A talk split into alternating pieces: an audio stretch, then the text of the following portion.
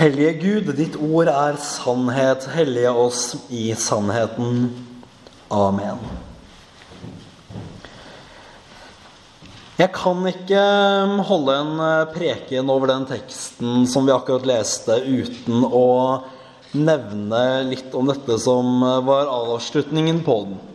Alt det dere vil at andre skal gjøre mot dere, skal dere også gjøre mot dem. Den gylne, regler, den gylne regel i sine ulike varianter, som vi alle har hørt den.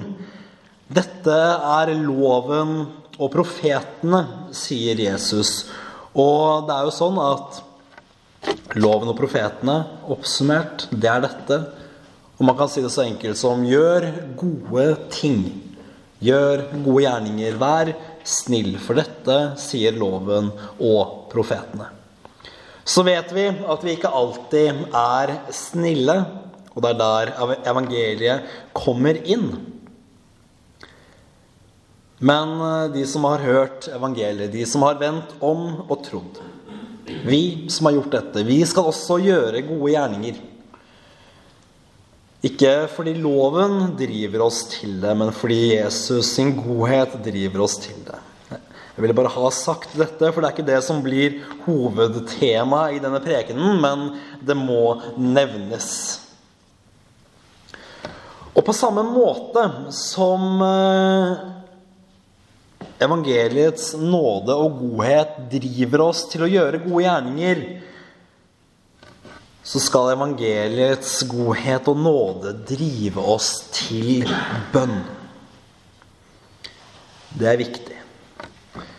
Bønn, det kan være så mangt. Alle religioner har bønn. Ja, jeg sier alle. Det kan jo være at jeg brått tar feil, og så er det en eller annen obskur religion en eller annen plass som ikke ber. Men vi kan si det ganske sikkert, tror jeg, at alle religioner har bønn. Det er mange ulike praksiser, også innad i kristendommen. Og det er faktisk ikke uvesentlig hvordan vi ber. Jeg vil eh, begynne med å si litt om hva bønn ikke er. For det finnes noen eh, feiloppfatninger av hva bønn er, og noen bønnepraksiser som ikke er gode. For det første så er bønn ikke å befale Gud om å gjøre noe. Jeg har vært borti noen sånne bønnepraksiser. Hvor man eh, i en eh, jeg vil kalle det en villfaren teologi tenker at eh, man med sin bønn, hvis man ber riktig, så kan man påvirke Gud til å ikke gjøre hans vilje, men til å gjøre min vilje. Jeg kan befale Gud til å gjøre det jeg vil. Og Den hellige ånd er ikke den hellige ånd en del av treenigheten, men eh, et verktøy slik at jeg kan hanskes med det overnaturlige og få det jeg selv vil. Bønn er ikke et verktøy for å oppnå spesielle ting i livet, for å oppnå materiell velstand eller slike ting. Det må være sagt, for det er viktig. Men eh, det viktigste her i dag er ikke hva bønn ikke er, men eh, hva bønn er. For eh, det er nå slik at jeg tror at hvis man skulle tatt en spørreundersøkelse blant kristne om hva man har dårligst samvittighet for i sitt kristenliv, så vet jeg i hvert fall at jeg selv, og jeg er jo en relativt standard kristen, ville selv om jeg er prest og slike ting, eh, så ville jeg nok sagt at uh, bønnelivet mitt er ikke alltid sånn som det burde vært. Men de gangene hvor jeg har det friskest i minnet og klarest for meg hva bønn er, det er da jeg lettest klarer å leve i bønn. Bønn er i sin enkelhet og i sin skjønnhet et barns samtale med sin far. En kristens samtale med sin fader. Tenk hvor godt det er.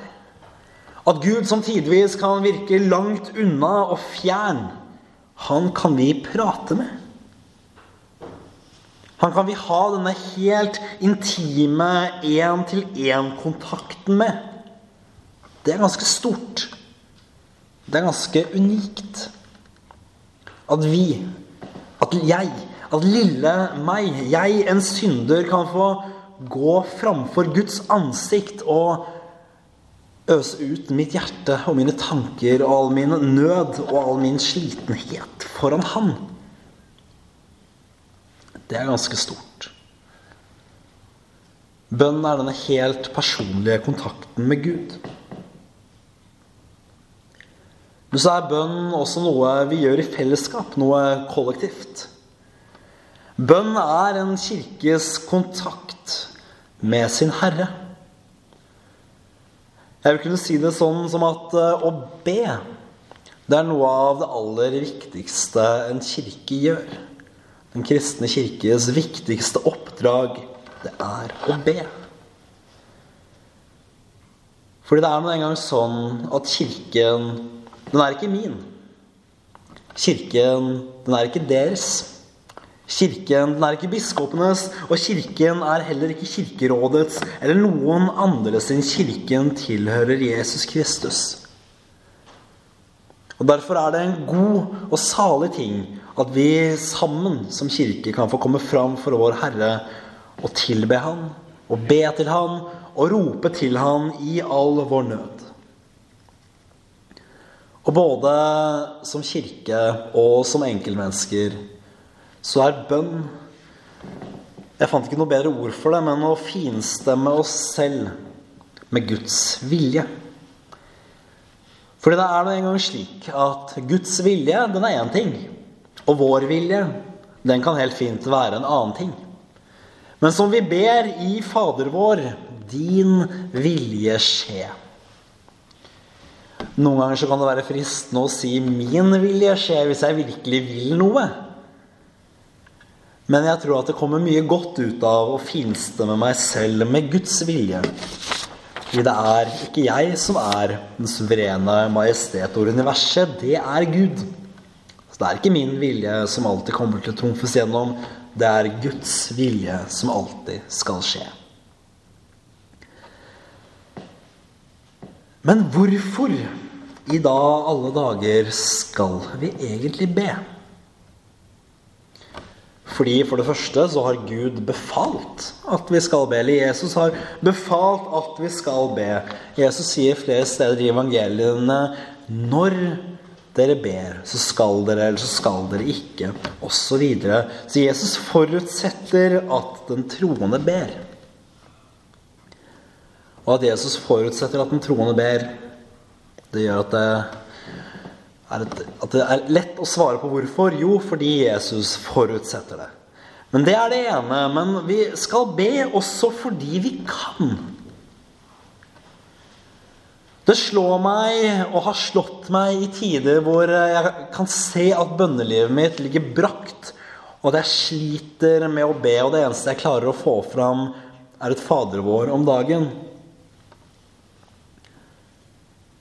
At jeg kan jo be. Det handler ikke om at jeg må be. Det er med noen sånne ting som dette her veldig lett å henfalle i en sånn Dårlig samvittighet, loviskhet Ja, nei, man må be, for da har man haket av én ting i det kristne livet den dagen. Men vi kan be. Jeg kan få lov til å gå fram for Gud Faders ansikt. Jeg kan få lov til å være alene med den suverene, allmektige Gud. Den Gud som er så mektig at kun ved et ord så skapte han alt. Han har ordnet det sånn at vi kan be til han. Ikke for å jage oss med dårlig samvittighet, men for å kunne være med han, og for å kunne, for å kunne ha samfunn med ham. Og så skal vi be fordi det er godt Noen ganger så slår det meg at eh, bare å få øse ut hjertet mitt for Gud Kunne øse ut mine bekymringer og bare kunne rope om alt som er vanskelig Da går jeg der fra med et lettere hjerte og en rakere rygg. For det er god oppreisning i å knele ned for Gud Fader. Og det må vi holde fast ved. Og når vi ber til Gud, og når vi legger våre byrder på Jesus, så kan vi få erfare at det Jesus sier, er sant. At hans løfter står fast. At 'Kom til meg, alle dere som bærer' bærer tunge byrder og sliter. Og jeg vil gi dere hvile. Og at vi i retur kan få Jesus sitt åk, som er godt og lett å bære. Men vi tenker ofte at eh, vi må få et svar for at bønnen skal ha vært god. Og det er ikke alltid at eh, vi hører at Gud svarer. Men Gud svarer alltid på bønn. Det kan vi være sikre på. Det er bare ikke at det svaret vi får, alltid er det vi vil ha, eller alltid er det vi ser etter eller hører etter. Og da er det ikke så rart at vi ikke hører det. Men når vi ikke hører at Gud svarer, så er det noen ting vi må stille oss selv som spørsmål. For det første har jeg bedt om noe som er i strid med Guds vilje. Det kan være at vi ber om hvis jeg ber om noe som er helt i åpenbar strid med Guds vilje, så vil ikke Gud gjøre noe som er imot hans vilje, og han vil derfor svare nei. Er jeg for utålmodig? Det må jeg også stille meg selv som et spørsmål. Når jeg ber og ikke hører svar, er jeg for utålmodig? Å tenke på at våre, tids, våre tidsbegrep er ikke det samme som Guds tidsbegrep. Er jeg for utålmodig, forventer jeg svar på timen eller, eller dagen. Men jeg vil allikevel minne deg på at du ber aldri feil. Det er også viktig å holde fast ved men at kanskje har du bedt om noe som Gud ikke kan gi deg der og da. Det hender også at vi tror at Gud svarer for konkret. Vi kan si det ganske sikkert at Gud kommer ikke til å gi deg helt konkrete private åpenbaringer. Eller tale direkte til deg. Gud har sagt meg. Det er en ganske farlig setning som har blitt misbrukt, og kommer til å bli misbrukt gang på gang på gang. Vi kan si det sånn at eh, dersom private åpenbaringer stemmer overens med Skriften, så er de unødvendige. Og dersom de ikke stemmer overens med Skriften, så er det ikke Gud som taler. Det må vi også holde fast ved at Guds stemme den kan vi alltid høre i Bibelen. Det har blitt sagt, jeg er litt usikker på av hvem, at dersom du vil høre Guds stemme klart og tydelig med lyd, så leser du din bibel høyt. Men se etter bønnesvar, for Gud svarer på bønn etter sin vilje. Miraklenes tid, de er ikke forbi. Gud gjør fremdeles under. Og det er ikke slik at bønnesvar alltid heller er mirakuløse. Så vær åpen for at Gud svarer på bønn. Se etter tegn, se etter små ting som kan tyde på at Gud har hørt din bønn. Men hold likevel fast på dette at bønn snarere enn å få ting Det er å sitte i Guds nærhet. Det er å ha fellesskap med Jesus. Det er å kunne øse ut bekymringer for Gud. Det er å kunne takke Gud. Det er å kunne tilbe Gud i sin enkelhet. å sitte på Gud Faders fang Det er ikke mer ved bønn enn det. Ære være Faderen og Sønnen og Den hellige ånd, som var, er og blir en sann Gud fra evighet og til evighet. Amen.